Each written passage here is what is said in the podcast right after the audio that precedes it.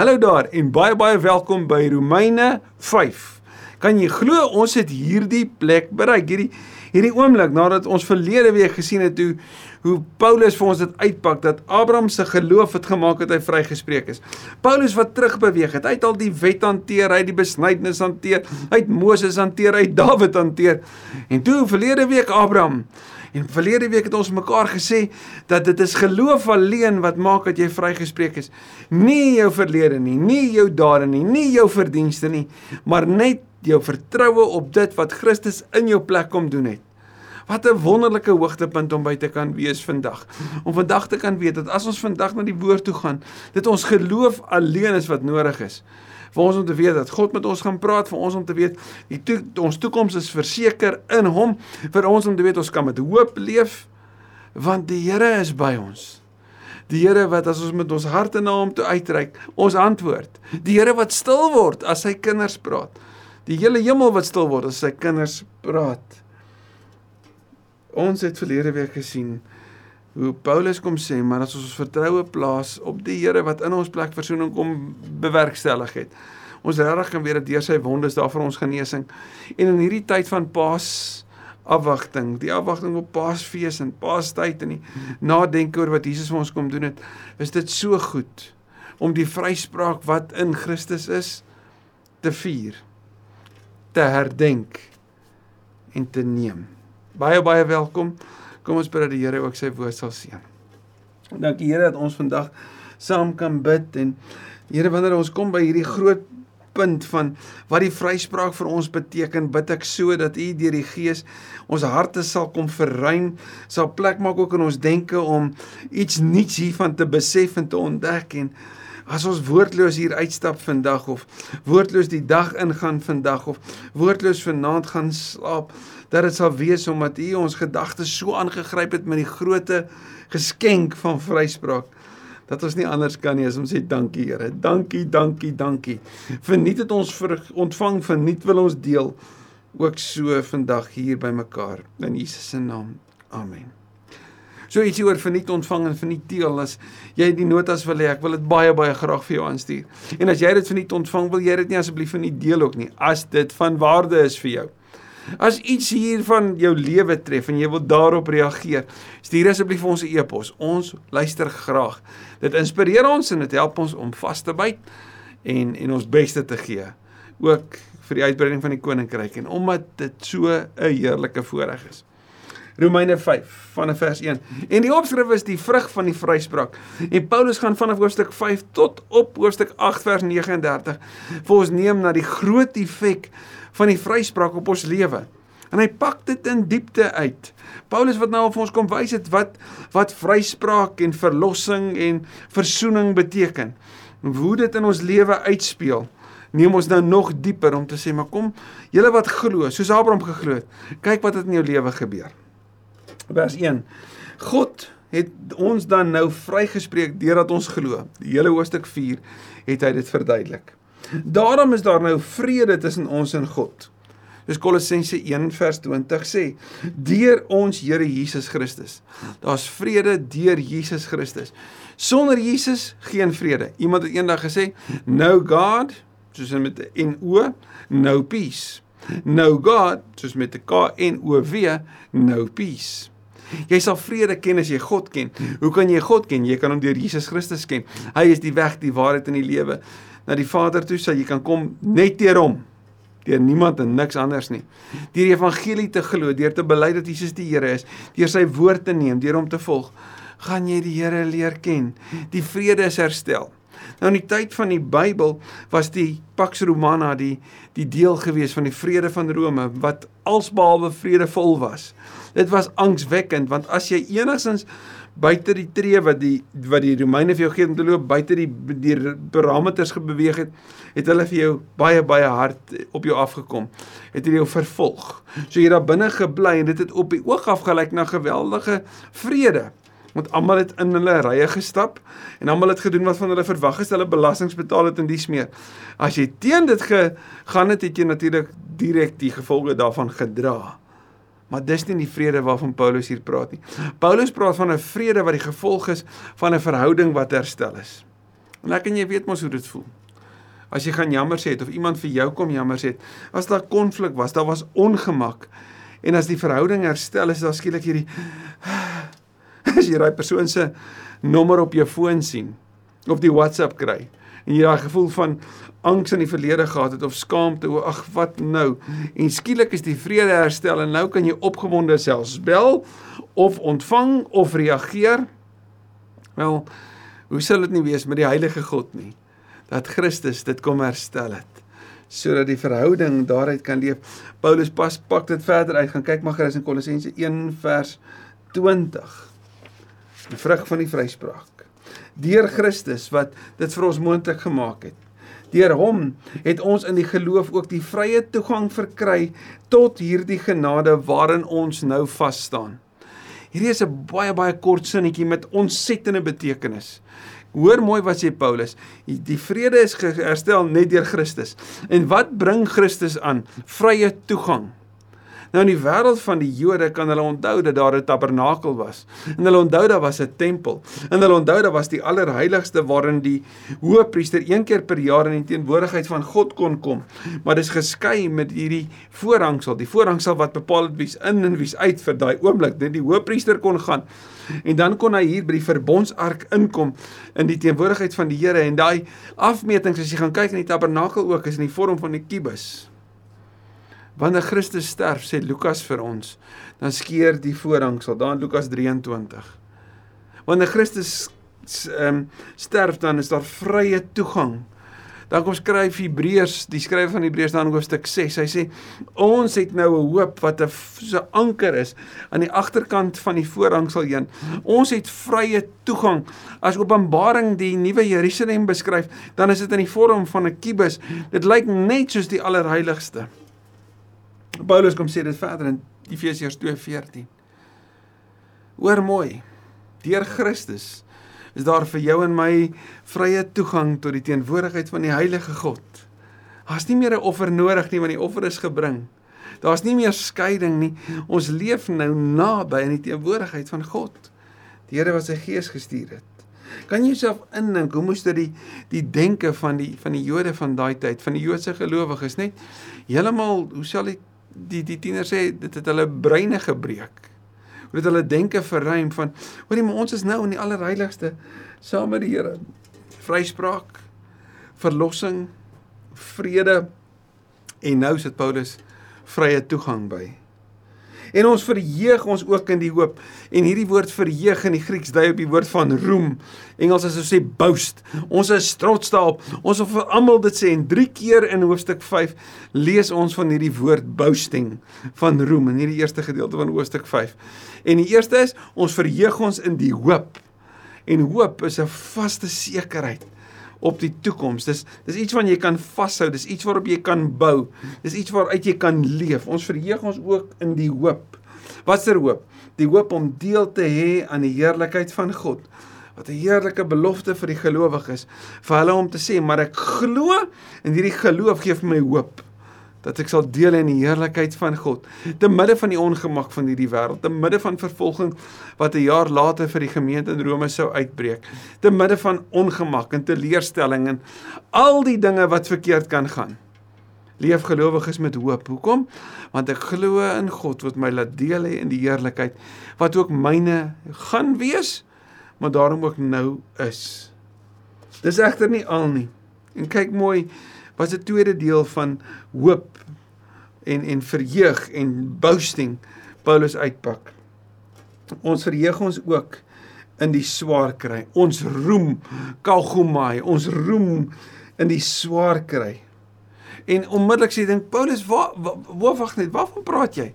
Hoe kan jy roem in swaar kry? Paulus sê, "Wes nie net ek nie, wag, die die Nuwe Testament leer ons dit." Onthou jy ons het dit by Jesus geleer dan Johannes 16 vers 33? As Jesus in Johannes 16 vers 33 sê, "Ek sê dit vir julle, in hierdie wêreld gaan julle dit moeilik hê." Maar hoe moet ek die wêreld oorwin? So ons verheug ons in die Here wat gesê het dit gaan gebeur, maar die Here wat oorwinning aangekondig het. So daarom is ons reeds bly. As dit gebeur, dan herinner dit ons die wêreld is oorwin. Christus is aan die koms. Maar Paulus sê onthou, is nie net ek wat dit sê nie. Petrus het dit ook geskryf. Gaan kyk maar dan 1 Petrus 1. Wanneer Petrus ons herinner dat dat daar 'n louteringsproses is en wanneer jy swaar kry, moet jy bly wees daaroor. Maar nie nie net Petrus nie, Jesus se eie boetie Jakobus wat tot geloof gekom het nadat Jesus opgestaan het. James the Just, ou kameelknie, die man wat so gebid het, is ook die een wat gesê het, maar onthou wanneer jy versoek word, moet jy moet jy weet dit is besig in 'n louteringsproses want dit bring goeie na vore. Jy moet die toets deurstaan. So Paulus sê Jesus sê dit. Jakobus sê dit. Petrus sê dit. En hier gemeente in Rome, hoor dit ook wanneer ek dit vir julle skryf. Ons verheug ons in hierdie swaar kry. Ons roem in die swaar kry. Hoekom? En hier's die gevolge daarvan. En Paulus kom vanuit hierdie sekerheid dat ons in die allerheiligste kan wees. Die die daar's nie meer skeiding nie. Ons het hoop. Hy sê ons weet swaar kry en hierdie swaar kry het te doen met om te ly van wie onregverdige hantering. Swaar kry kweek volharding. Wanneer jy ly onder moeilike omstandighede, dan moet jy vasbyt. So die gevolg van moeilike omstandighede is volharding. Volharding kweek egtheid van geloof. Die Griekse woord daar dui op waarde, iets wat van waarde is. Waardevolle goud is gesuiwerde goud. Nou praat ek al van Jakobus en Petrus se taal nie waar nie. Al die onsuiverhede is uit. So swaar kry kweek volharding. Volharding kweek 'n egtheid, 'n suiwer godsdiens, 'n suiwerheid, 'n suiwer toewyding aan die Here. Nee, egtheid van geloof. En egtheid van geloof kweek hoop. So hoe kom ons by hoop uit? En dan sê Paulus die hoop wat nie beskaam nie. Ons gaan deur 'n proses. Dit gaan moeilik. Ongemak. Dis dis dis dis nie lekker nie. Dis nie gunstig nie. Dis moeilik. Hierdie moeilikheid vra dat jy sal vasbyt. Nie sal opgee nie. Sal deurdruk, sal jou kop optel en vasbyt. Soos 'n goeie afrigter sou sê wanneer jy moeg is na 'n uh, 'n paar rondes en jy sê ek is na, sê byt vas, daar's nog 'n ronde, jy kan. Hierdie volharding bring jy na egtheid van geloof, 'n suiwerheid. Iets wat ander na sal kyk en sal sê, "Maar hierdie is van waarde want hierdie persoon het hierdeur vasgebyt. Ek wil luister hierna." As ek byvoorbeeld die naam van 'n Corrie ten Boom sou noem, dan sal ek en jy weet, "Wow, daar's nou 'n tannie wat vasgebyt het." Wat vanuit Auschwitz so baie te sê het oor vergifnis en onregverdige hantering. En so kan ek en jy na 'n klomp geloofshelde kyk en almal van hulle kom uit 'n wêreld van swaar kry van vasbyt van van die Here ontmoet uit die haaglikste omstandighede en situasies van hulle lewe. Swaar kry ek volharding, volharding kweek egtheid van geloof, egtheid van geloof sê Paulus kweek hoop. Hy sê ons roem in die hoop en nou roem ons in swaar kry want die gevolg van hierdie swaar kry is hoop. Want die hoop beskaam nie. Hoekom? Want God het sy liefde in ons harte uitgestort deur die Heilige Gees wat hy aan ons gegee het. God het 'n geskenk gegee in Christus God het 'n geskenk gegee deur die Heilige Gees. Waar's die Heilige Gees binne in ons? En die Gees binne in ons maak dit vir ons moontlik. Ek is nooit alleen nie want sy Gees is by my. Deur daai hele prosesie en tot terug by die hoop is omdat die Gees binne in my is. Ons gaan later in Romeine 8 die werking van die Gees en die impak daarvan en die rol van die Gees of wat die Gees doen ook op hierdie oomblik in jou en my lewe gaan ons van raak sien. Hy het dit vir ons gegee en die Gees is 'n bewys dat dit wat kom waar is. So ons roem in die swaar kry. Ons roem in in die evangelie en die hoop. En dan sê Paulus, toe ons nog magteloos was natuurlik vanweer die sonde, het Christus immers reeds op die bestemde tyd vir goddeloses gesterf. Die woord bestemde tyd is die woord in die Grieks is kairos. Dis die spesifieke tyd. Die hele evangelie van Johannes dui op die verskil tussen kronos en kairos dit dalk op 'n ander dag kan ons bietjie daarna kyk. Maar die belangrike is dis die God gegeewe tyd. Maar hoor wat sê Paulus, toe ons nie kon nie, toe kon God.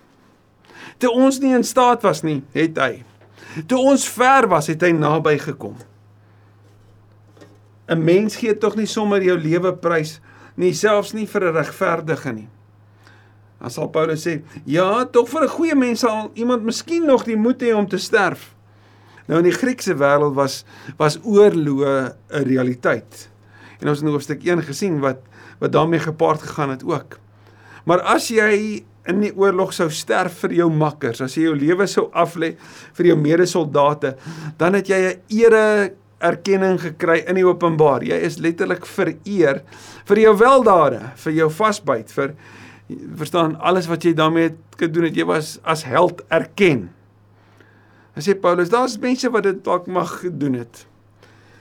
Vir goeie mense dalk, vir hulle makkers dalk. Maar God bewys sy liefde vir ons juis dat Christus vir ons gesterf het toe ons nog sondaars was. Dis die kruks van die evangelie.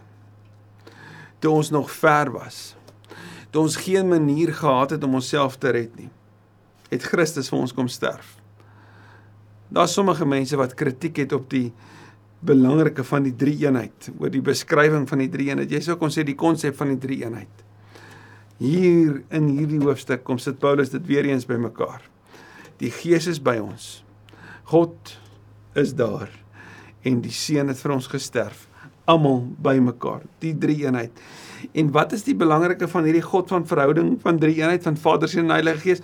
Sy het die mens geskep vir verhouding met hom. Die sonde het hierdie verhouding verbreek. Christus het die verhouding kom herstel deur in ons plek 'n sondaar te word en deur dit vir ons moontlik te maak. Dis die genadegawe wat God gee. Die ewige lewe. In Johannes 17:3 sê die ewige lewe is om hom te ken en die Vader om die verhouding wat herstel is te ken. Nou God bewys sy liefde vir ons juist daarin dat Christus vir ons gesterf het. Toe ons nog sondaars was. Ware liefde sê Johannes 15 is dit vers 13. Nie die liefde wat ons vir mekaar het nie, maar wat hy vir ons het. Gaan kyk gerus ook 1 Johannes 3 vers 16. Ek weet ons ken 3 vers 16 van Johannes. Maar gaan kyk gerus die kommentaar op Johannes Evangelie deur Johannes in 1 Johannes 1 vers 1 Johannes 3 vers 16 vers 9. Aangesien ons nou vrygespreek is, die kaiosune, daai woord wat die hele liewe tyd deurkom, op grond van sy versoeningsdood. In die woord versoeningsdood daar is die woord wat beskryf kan word of wat vertaal kan word met bloed of dood, aima. Deur sy bloed het ons vrygespreek. Staan dit soveel vaster dat ons deur hom ook van die straf van God gered sal word. En hier is die heerlike versekering. Kyk net mooi. Ons het 'n ewige hoop. Ons het die Heilige Gees in ons. Ons het die Seun wat op grond van sy versoeningsdood in ons plek die prys betaal het. Deur die bloed is ons skoon gewas. Daarom kan ons weet ons word gered. Paulus kom vat hierdie sekerheid van wat geloof bring en die belangrikheid van geloof. Hy pak dit net al hoe meer uit. Weet jy wat bring dit teweeg? Gelowiges wat hierdie lees, wat uitstap in die wêreld in, loop nie meer so met skuldgevoel en laste en hopeloosheid en onsekerheid nie. Hulle verstaan hulle plek in hierdie wêreld.